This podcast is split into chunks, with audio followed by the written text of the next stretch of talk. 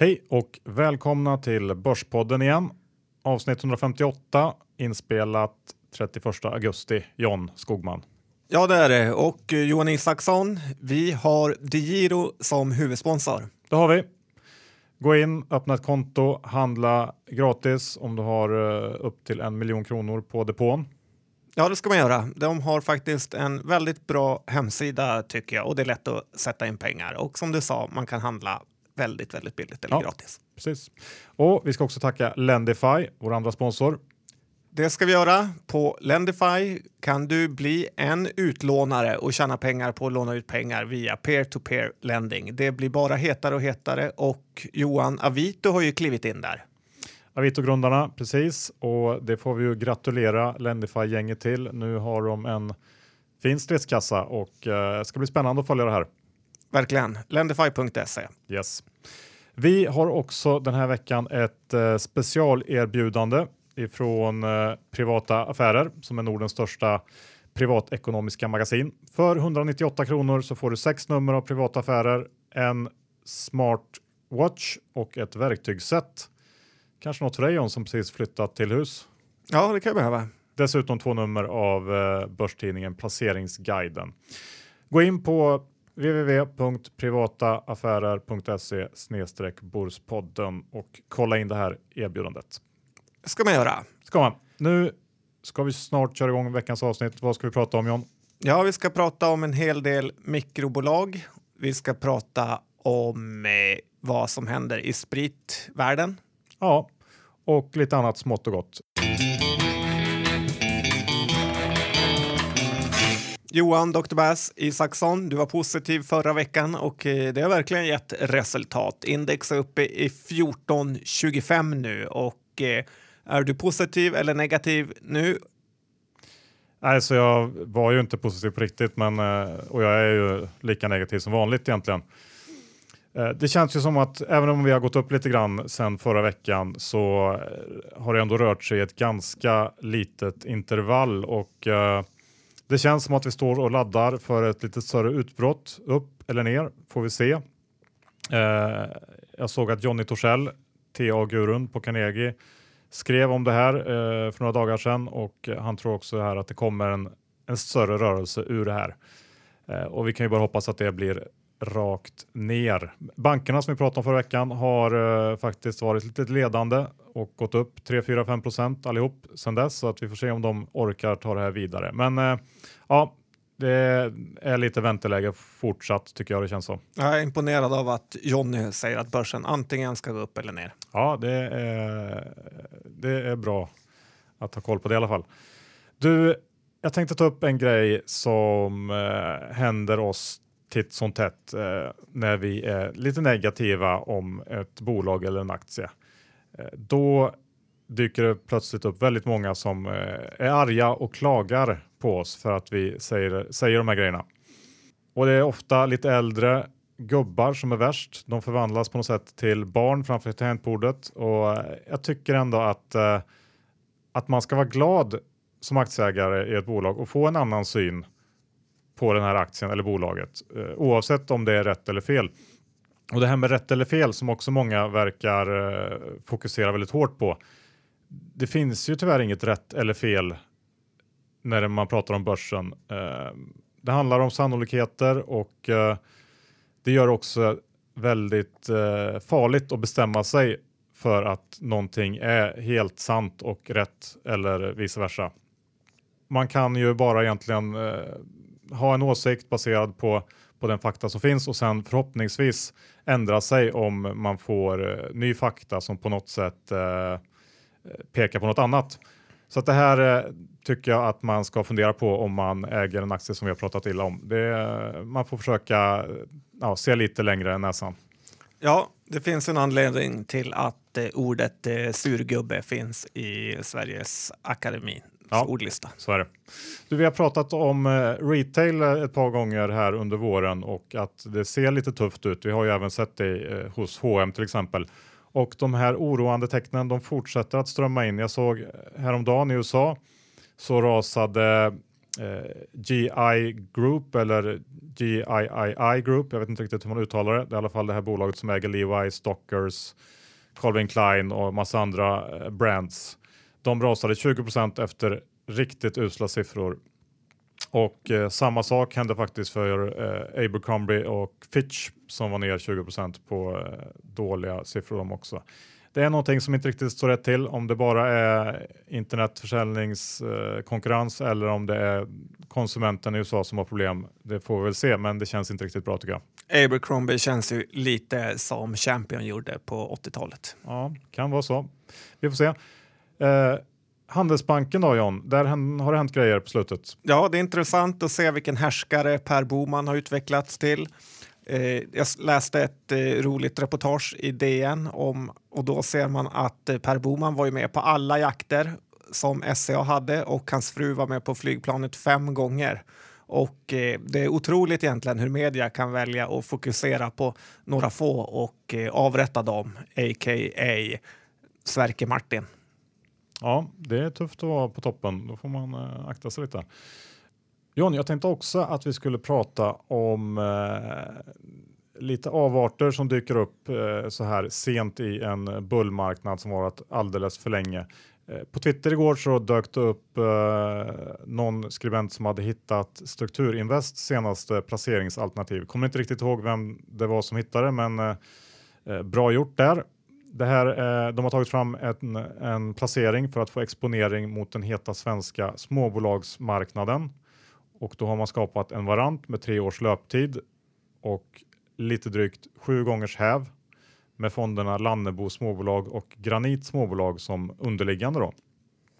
Och eh, när jag läste igenom det här prospektet så förstod jag det som att de här fonderna viktas lite upp och ner beroende på hur volatiliteten i marknaden har varit. Men kontentan av det här eh, är att om utvecklingen i den här produkten efter tre år är 0% eller sämre, då förlorar du hela ditt satsade belopp.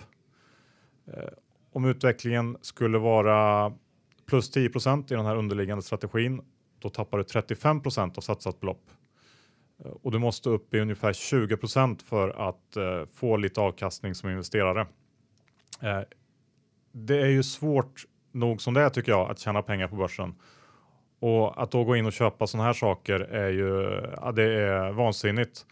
Och som grädde på moset så kommer avgifterna på den här produkten. En varant kostar 13 500 kronor att teckna och avgifterna under hela, hela den här löptiden är 5 600. Så att en väldigt stor del går bort direkt där. Det här är ju en makalöst usel produkt som ju det nästan borde vara brottsligt att sälja. Ja, den här får man inte visa för Per H Börjesson. Då blir det hjärtattack direkt. Ja, det är riktigt illa så att eh, hoppas att den här eh, försvinner snabbt. John, EU har gett sig på Apple. Ja, det har de gjort och det känns lite som hämnd efter att USA har gett alla Europas storbanker enorma böter.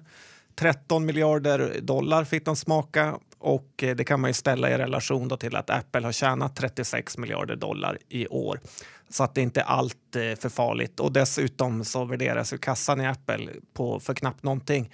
Så aktien gick inte ned mycket trots de här nyheterna. Och eh, sen vet man ju hur stora amerikanska bolag kan driva en sån här process i 20 år och eh, ändå slippa att betala. Men det värsta tycker jag är att Apple direkt börjar med utpressningsbrev om hur de kanske nu måste lämna Europa och vilka job creators de har varit. Jag tror att nästa man för rakning kan vara Ingvar Kamprad läste jag och det ska bli väldigt kul om de börjar nysta i Ikeas skatteaffärer. Ja, spännande där och uh, ja, det är intressant hur så här globala jättespelare betalar ungefär eh, lika mycket som Börspodden i skatt varje år.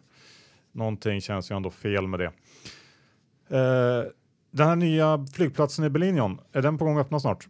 Ja, den ska öppna och eh, under 2017. Det här har ju varit ett enormt fiasko och eh, det sjukaste av allt är ju att det är Berlins kommun som bestämde att de skulle hålla i projekteringen själva för att spara pengar. Och eh, det fick mig att tänka att det är lite som när bostadsrättsföreningar ska projektera sin egen vind och allt slutar med att eh, BRFN slutligen förlorar pengar istället för att tjäna lite mindre. Och eh, här kan jag tycka att man får credda Peab lite grann som trots katastrofen med både Friends Arena och Mall of Scandinavia bet i det sura äpplet och slutförde allt eh, och gjorde snyggt efter sig och sen tog smällen. It's not about how hard you hit, som eh, Rocky brukar säga. Så är det. Och eh, för att återkoppla till inledningen, september, sämsta månaden på börsen i USA. Ja, för amerikanska aktier har det varit så att sedan 1890 har september varit den absolut sämsta månaden och det kan vara värt att ha i minnet. Ingen vet riktigt varför, men det finns väldigt många teorier och eh, det enda man kan vara säker är att ingen av dem heller stämmer. För hade teorierna stämt så hade den här effekten redan varit borta då folk hade börjat sälja i augusti. Men effekten finns kvar och eh, det finns två år som verkligen sticker ut och det är ju, gissa Johan? Ja, men 2008 känns ju eh, solklar. Ja, helt rätt. Då krascha Lehman. Och får vi se, sen, jo, sen måste det ju vara 9-11 2001. Ja, det var klart att du tog den. Så ni vet, var försiktiga. September är en farlig månad att trada i. Ja, hoppas vi verkligen.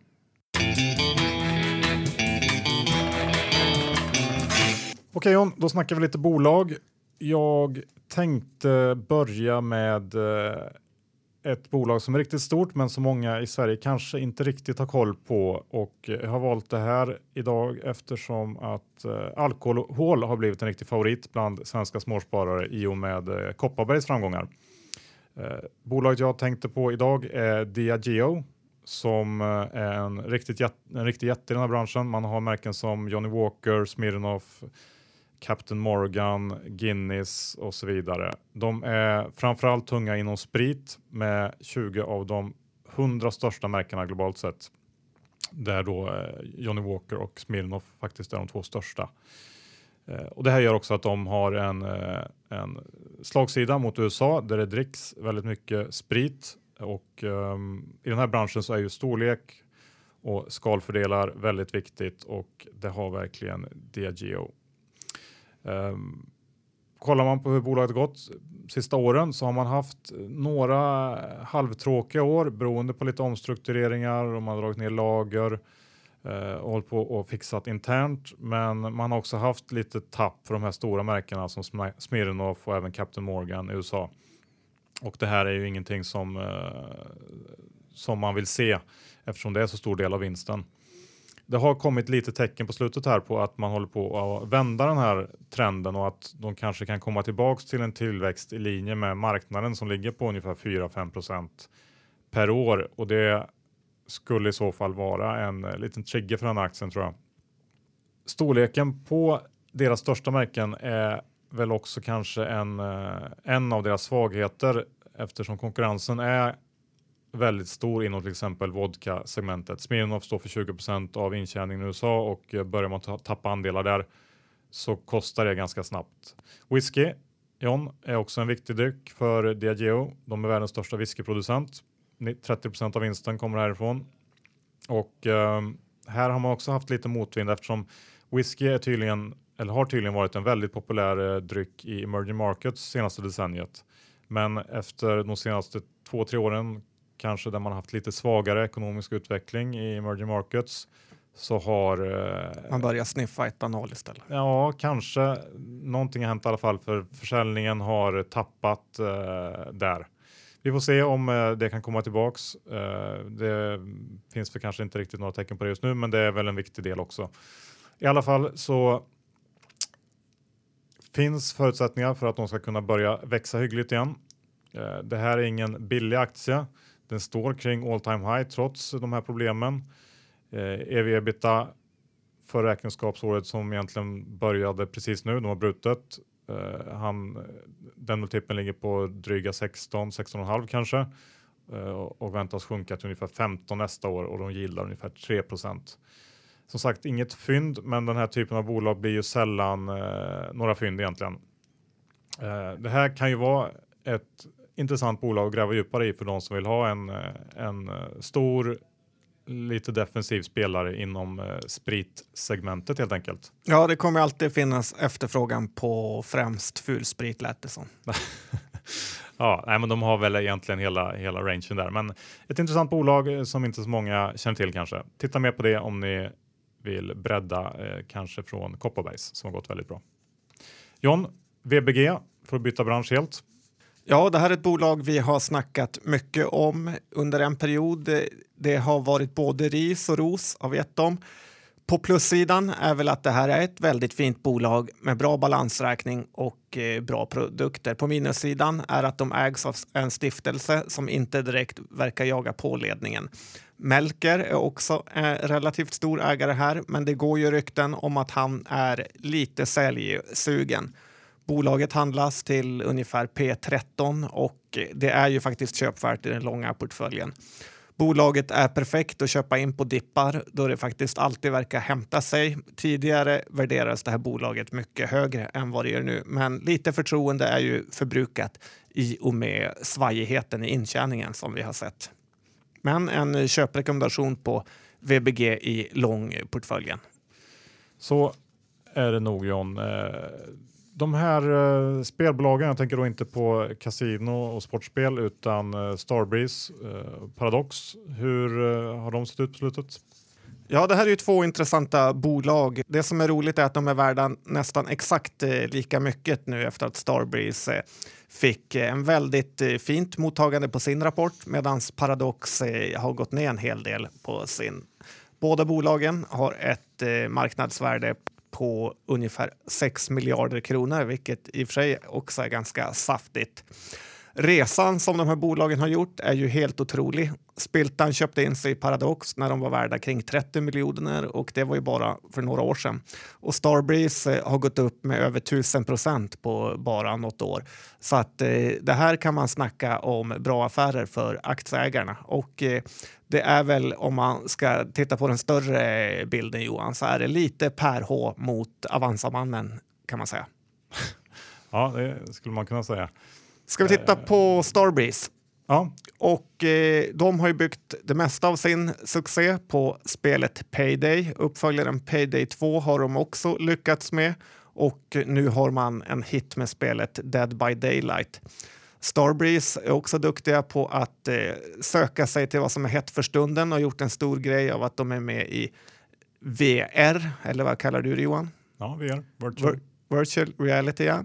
Och det är väldigt hypat. Tittar man på siffrorna så var omsättningen just över 100 miljoner för Starbreeze med ett nettoresultat på 21 miljoner. Så i relation till börsvärdet på 6 miljarder så är 20 miljoner i vinst inte så mycket. Och eh, här ligger ju mycket i värdet av förväntade framtida framgångar.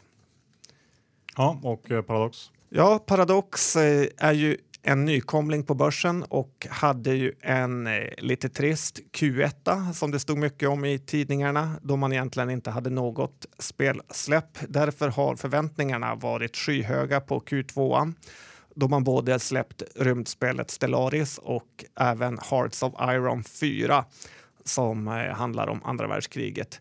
Båda spelen har ju fått väldigt bra kritik och eh, sålt väldigt bra. Rapporten som kom visade också att det var rekordresultat och omsättningen blev 234 miljoner och vinsten efter skatt blev 110. Så totalt sett har Paradox tjänat 130 miljoner på årets första halvår medan Starbreeze å sin sida också hade ett eh, dåligt Q1 och har bara tjänat 6,5 miljoner på årets första sex månader. Och eh, ska man försöka välja ett av de här bolagen så är det ju lite som att tvista om, om Gud finns eller inte. Det är många smarta som föredrar det ena, men det är också många smarta som föredrar det andra. Jag i mitt fall skulle nog välja pengarna i det här läget och gå för Paradox. Johan, vad tar du? Det känns lite grann som att jag redan är för gammal för de här bolagen, för jag förstår eh, inte riktigt. Eh, jag förstår ju vad de håller på med, men jag har väldigt svårt att eh, bilda mig en riktigt bra uppfattning om hur framtidsutsikterna ser ut. Jag vet ingenting om vilka spel som kan kännas som att det här kan bli en hit och jag har också lite svårt att smälta det här att de inte bara är one hit wonders utan att de kan och kommer att leverera succéer år efter år. Jag, jag vet inte, jag har svårt. Jag tycker att det är ungefär som ett eh, popband eller en eh, filmstudio. Det kommer ett, en bra film ibland. Men kan man verkligen räkna med att det finns en uthållig eh, förmåga att leverera det här? Jag vet inte. Du börjar alltså närma dig surgubbestadiet? Det skulle jag nog säga. Jag, det finns såklart exempel på stora studios som alltid levererar massa bra spel och som, som man ska äga. Men det känns ändå som att den, den här typen av bolag får man ändå, eller man tjänar på att kanske gå in och ur lite eh, beroende på hur man ligger i, i cykeln med nya spel som är på gång och sådär. Och har man bra koll på den här eh, den här världen så kan man nog absolut uh, göra det riktigt bra. Jag känner inte att jag har det så att jag väljer nog pengarna i den form att jag har dem på banken och inte i någon av aktierna. Surgubbe alltså. Man kan också lägga till att eh, det har varit väldigt många avansianer och nordnettare som blivit eh, rikare och dierianer också kanske som eh, Starbreeze har 22 000 aktieägare varav 15 finns på Avanza och eh, Paradox har 11 000 aktieägare på Avanza. Så det är många som har varit med på en fin resa. Ja, populära aktier. Kul, kul, men aldrig fel att ta hem lite vinst. Ska vi gå över till någonting helt annat? Academedia, skol, eh, friskolekoncernen som precis släppte sin första rapport som noterat bolag. Den var bättre än väntat och eh, aktien som eh, redan gått väldigt bra tog ytterligare ett skutt uppåt. Det var väl framförallt kanske inom gymnasieverksamheten som man lyckades förbättra resultatet mot föregående år och jag såg också att utöver det finansiella så lyckas man också trycka upp ehm, eh, ja, resultatet för, för eleverna, alltså att eh, de som nådde utbildningens mål ökade mot föregående år till 85,8 procent tror jag det var och där har vi snittet i riket som ligger på 77 så att eh, det verkar som att utbildningen håller en hög klass, vilket ju är viktigt för att få eh, framtida elever in i skolorna. Eh, Academedia gillar ju vi. Fint bolag och eh, en verksamhet som man eh, förstår sig på. Det känns väl dock som att den här aktien har stuckit iväg lite väl. Jag såg att SCB sänkte reken idag på morgonen och eh, jag har svårt att argumentera emot det kan kännas som att det är lite läge för vinsthemtagning i den här aktien nu. Ja, jag tycker du har helt rätt och jag tycker också att det här visar på överlägsenheten av eh, privata lösningar jämfört med när Fridolin ska hålla tal till lärarna via Youtube. Något jag brukar lyssna på när jag har det tråkigt. Ja, på tal om helt annat så ser, har jag sett att Assa Abloy har eh, tappat en del på slutet och vad jag har hört så har de varit ute och guidat ner förväntningarna eh, och det är framförallt Kina där som man säger är lite sämre än vad de har trott innan. Det här har fått några banker att sänka sina rekar på aktien. Ja, mm, så är vi där igen. Man är ute och snackar med utvalda om hur det har gått. Jag gillar inte, men det är väl bara att acceptera att det är så det är. Nej, det är i princip hur man ger pengar till eh, storbankerna som kan börja sälja åt sina bästa kunder medan vi mindre får reda på det när det är för sent. Så är det John. Eh, ett annat bolag som eh, har gått ner en hel del på slutet är ju Mekonomen. De kom med en eh, riktigt svag rapport i fredags. Eh, försäljningen lite grann under förväntningarna men, eh, och resultatet ganska mycket under. Det är, ja, det är tufft lite, både, ja, lite överallt inom ekonom nu känns det som. Det problem med marginalen och det känns som att det är en hel del kampanjer som kostar och det är lite priskrig där ute. Eh, de har väl även lite problem med några nya IT-system och så där som eh, håller på att implementeras och ehm, värderingen är inte jättehög om man tittar på hur det har sett ut historiskt på Mekonomen, men eh, det känns som att de kommer att få fightas med eh, en svagare marginal ett tag framöver och det, jag tycker inte att det är något köpläge just nu i den här aktien. man kan gott eh, vänta här. Vad, vad, tror du John? Ja, Koponomen som jag kallar det är ju ett av mina bolag jag har på säljlistan. Tittade i på företagsledningen och eh, tre personer kommer direkt från Coop och vi vet ju alla vad Coop presterar. Så jag förstår inte hur man kan bygga ett bolag kring avdankade Coop-anställda. Så nej, håller borta från det här tills vi får se lite förändringar i toppen. Whirlpool och uh, Electrolux då? Vad händer där? Ja, det här är ju två väldigt lika aktier kan man säga och eh, det intressanta är att Electrolux har 5 000 ägare kan man se på Avanza, alltså småsparare, medan Whirlpool bara har fem. Så jag tänkte vi ska titta lite på skillnaden och eh, även eh, då mitt hus är fyllt med Whirlpool vitvaror så blev jag lite intresserad av vad det här är för bolag egentligen. Och eh, Whirlpool är väl lite av den lägsta kvaliteten man kan köpa medan Elux är lite högre upp i rank om man då räknar själva vitvarorna. Electrolux är lite som eh, Volvo bland tvättmaskinerna och du tar ju hellre de tyska märkena, till exempel Miele, Bosch, Siemens. Men eh, du tar ju också hellre Electrolux än just eh, Whirlpool, Philips och eh, en hel del kinesiska märken som finns där ute. Tittar man lite på värderingen så ligger ju både Whirlpool och Electrolux kring P16. Electrolux har lite bättre direktavkastning medan Whirlpool ligger på 2% och Electrolux på ungefär 3. Det som sticker ut med båda de här bolagen är att det är ett enormt lågt PS-tal, alltså price sales. Och eh, där ligger de på ungefär 0,5-0,6 vilket är ett tecken på att det här är väldigt låg marginal business. Johan, din kommentar om de här bolagen? Ja, nej, men så är det ju. Det är ju väldigt svårt att tjäna riktigt bra med pengar i den här branschen och eh, det gör ju också att ibland så eh, stiger förväntningarna när man eh, lyckas intala sig själv att de kommer att kunna lyfta marginalen för att det ger ju väldigt mycket effekt på sista raden så att um, ja, det, det, är ju den typen av bolag. Jag gillar inte alls Electrolux. Det känner nog de flesta till och uh, tycker nog att man kan uh, hålla sig utanför bägge de här två. Tack för det. Ja. Vi byter ämne och uh, jag kan säga någonting snabbt bara om det här bolaget som heter Nepa som kom in här i våras någon gång tror jag på börsen. Ja, som Peter Benson sågade och istället valde Intellecta. Ja, det var väl många som var lite halvnegativa och tyckte att de såg lite halvsuspekta ut. De hade gjort något förvärv precis innan och ja, man kunde tro att det var för att boosta siffrorna på något sätt. Men de kom med en fin rapport här i veckan och eh, aktien har ju gått fruktansvärt bra sen noteringen. Det känns som att eh, alla som var negativa till Nepa i början kanske var ute och cyklade lite grann för att eh, jag tycker det ser ut som att de kan ha någonting ganska bra på gång här. Så att den, det bolaget ska man absolut hålla koll på. Nu eh, som sagt är ju aktien uppe i 90 kronor ungefär och där eh, kan man väl kanske vänta lite grann med att köpa. Men eh, ta en titt på den här om den skulle komma ner en bit. Ja, det tycker jag också. Vi har ju två andra bolag som är lite nykomlingar där marknaden går och väntar på att eh, det ska ske en placing känns det som.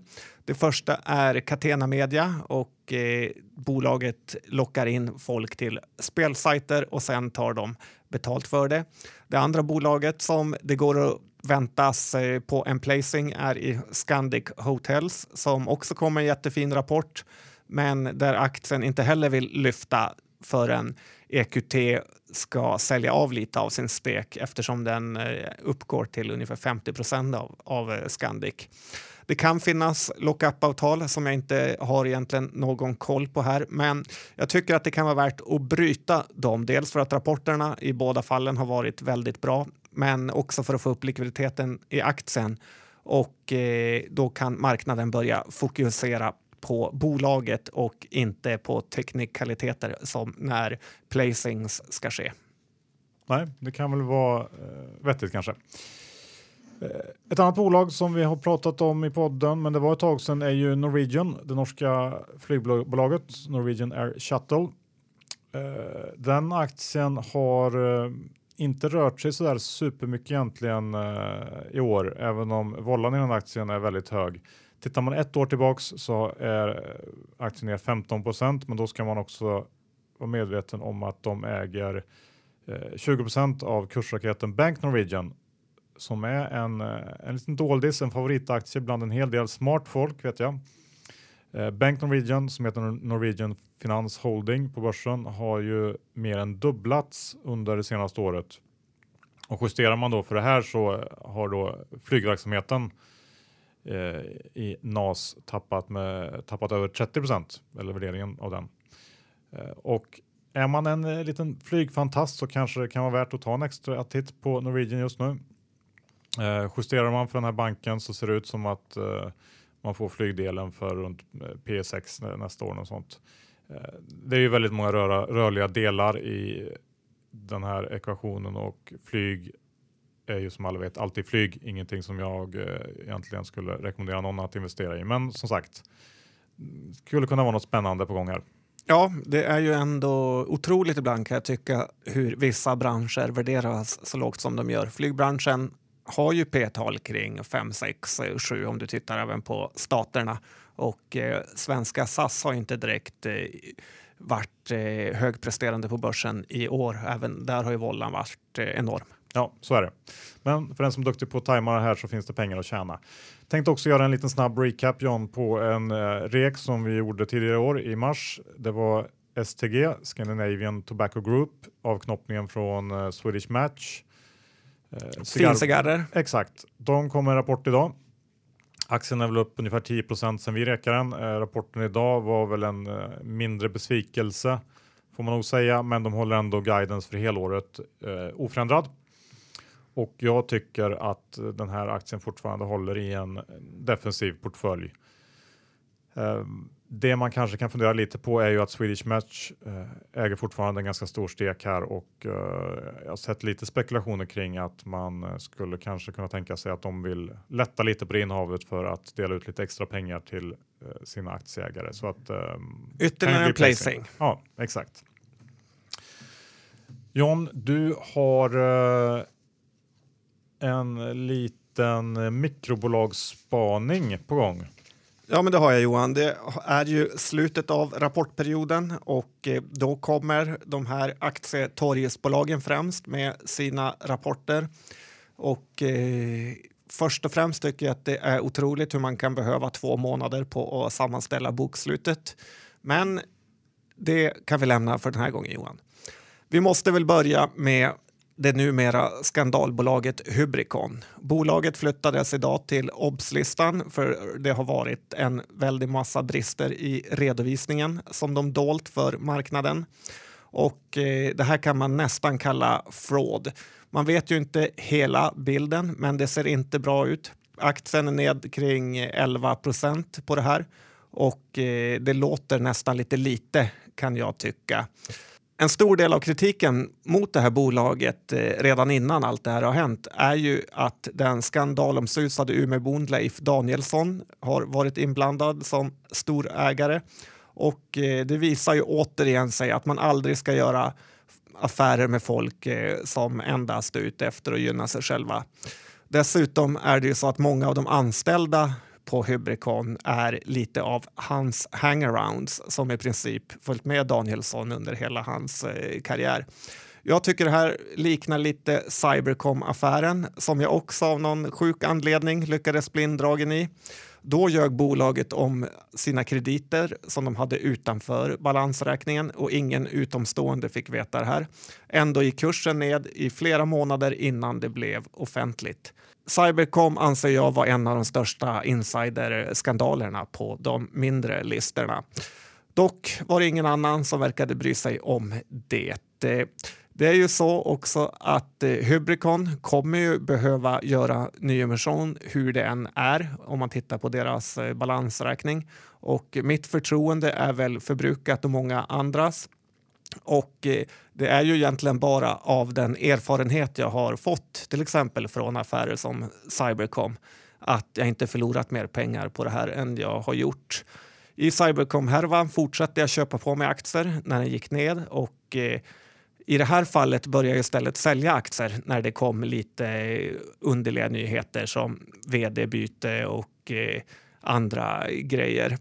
Dock så har det här kostat mig ett eh, förluster i sexsiffrigt belopp så att jag är ju långt ifrån nöjd. Tycker att aktietorget faktiskt också får ta på sig en stor skuld i det här som eh, för det visar att de släpper igenom nästan vad som helst utan att de har koll på eh, bolaget som får komma igenom och noteras. Ja, jag håller med om det mesta. Trist att det ska hända och vi får väl hoppas att de flesta lyssnare gick på min linje i det här fallet. Ja, det är därför man ska få en motsatt åsikt. Annars är det lätt att lura in sig själv. Ett Exakt. annat bolag är ju Trueheading som blev handelsstoppad efter att ha ljugit i sin rapport. Jag hade tjänat en slant på det här och eh, den kan man säga stals av mig när de makulerade alla avslut.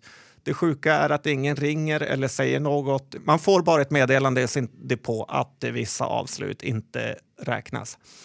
Hur som helst så börjar sanningen hinna ikapp aktietorget i alla bolag och all skit de släppt fram. Och en sak är säker Johan, det kommer inte att bli bättre utan det kommer bli betydligt sämre när konjunkturen och klimatet eh, blir sämre.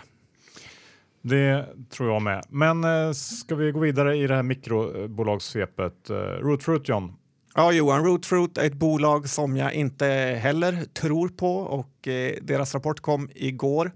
Ett problem för Rootfruit är att det verkar som deras förlust är konstant. Eh, det är svårt för dem att få lönsamhet. Ju mer de säljer, desto mer förlorar de eller i alla fall inte börjar tjäna pengar. Den här konkurrensen är ju också helt mördande inom den här eh, sektorn. Och eh, visst, de har varit duktiga som kommit så här långt, men dels kämpar man mot eh, massa andra minitillverkare som jag tycker man kan se överallt. Och sen kämpar de mot OLV, det vill säga Orkla, ett av Skandinaviens största bolag, och Estrella. För det är ju så att i grund och botten vill man bara äta vanliga chips och inte äta massa rödbetor och eh, morötter och allt vad de har rostat. Det känns lite som Rootfruit är stuck between a rock and a hard place som de säger i staterna och eh, det är ett bra initiativ men en dålig investering. Jag eh, sätter sälj på Rootfruit. Stille då? Det lilla, ja vad kan man säga, de säljer väl lite medicinska verktyg och sånt, eller? Ja, det här är ju doldis som har blommat ut sista året kan man säga. De gör kirurgiska knivar och operationsbord. Bolaget har väl kämpat på i det dolda utan att egentligen få fram, få fram någon vinst. Nu har de fått eh, flera kvartal i rad eh, som eh, de börjar tjäna pengar och jag tycker det här är ett intressant bolag. Aktien har gått en del sedan rapporten och har väl tjänat 2,70 per aktie senaste 12 månaderna och eh, flaggar för att Q3 också ser väldigt fin, fin ut. Eh, aktien stod i 27 när rapporten kom och nu står den i kanske 34. Jag tycker ändå att den här är något att hålla koll på och känns lite som ett ungt eh, Elos håller väl delvis med där kanske, eh, även om jag direkt kommer att tänka på det här som vi har pratat om eh, tidigare, hur man vänjer sig vid värderingar som bara stiger och stiger och stiger. Nu känns eh, de här siffrorna som relativt eh, billiga faktiskt. Eh, och inte för så länge sedan så skulle man inte betala över P10 för ett sånt här bolag. Men eh, ja, så är det väl nu för tiden. Bara acceptera. Ska vi gå över till Sivers? Ja, Johan Sivers har ju varit en av de här affärerna som har hängt över mig länge. Jag hade en väldigt bra feeling för Sivers just innan det här enorma rycket från 2,80 till 10 kronor gick. Tyvärr var det så att sommaren närmade sig och jag ville inte äga aktier då så att jag sålde ut allt precis innan aktien började gå. Och eh, ja, det här är en av mina sämsta affärer som jag hade kunnat tjäna pengar på. Hur som helst så är bolaget helt dött nu och eh, jag ser ingen framtid här. Förlusterna ökar och eh, ja, det verkar inte som att det finns någon framtid. Jag tycker man kan hoppa av den här aktien om man någonsin har trott på den. De har provat sig fram i många år utan att vara i närheten av några eh, vinstsiffror. Så släng inte bort dina surt förvärvade pengar här. Nej, så är det nog. Du, ska vi ta en sista innan vi avslutar idag? Hövding. Ja, det var ett tag sedan Hövding-rapporten kom, men jag tycker ändå vi kan ta upp det för vi har pratat lite om det. Och eh, det här bolaget lider lite av samma problem som Rootfruit och många andra mindre bolag. Att eh, trots att de ökar sin försäljning så blir det inte bättre siffror på sista raden. De säger att de säljer väldigt många fler hjälmar i rapporten, men man kan inte se någon halsdukshjälm ute på stan. Och eh, dessutom tror jag faktiskt man måste lyckas även utomlands för att det ska rulla in några pengar i det här bolaget. Och eh, jag tror att det i princip är omöjligt att få till exempel holländare att börja använda cykelhjälm, Johan. Så håll dig borta från Hövding investeringsmässigt. Det gör i alla fall jag. John, det blev många bolag idag. Det blev det. Det är alltid eh, det Börspodden ska handla om. Ja, vi ska tacka våra sponsorer. Vi börjar med att påminna igen om eh, det här erbjudandet ifrån privata affärer. För 198 kronor så får du sex nummer av privata affärer, en smartwatch och ett verktygsset plus två nummer av placeringsguiden. Gå in på privataffärer.se snedstreck Börspodden. Ja, det var ett väldigt bra erbjudande. Sen har vi Diro som vanligt. Börja trada gratis med diro.se. Ja, enklare än så blir det inte. Nej, det blir inte. Lendify ska vi också påminna om. Ja, det ska vi. Peer-to-peer lending. Du behöver ytterligare en intäktsström till din portfölj. Så på lendify.se kan du läsa mer om hur du fixar det åt dig själv. Ja. Vilka bolag ägde vi av de vi pratade om i dagens avsnitt. Jag eh, kan ju ganska direkt säga att jag inte ägde ett enda bolag för börsen kommer att gå åt helvete. Oj, nu har du relapsat från förra veckan verkligen Johan. Du Jan? Ja, jag äger lite stille även om jag har sålt det mesta redan, men har fortfarande kvar en slatt. Ja, det ser man. Bra, tack så mycket för att ni lyssnade idag så hörs vi om en vecka igen. Tack och hej!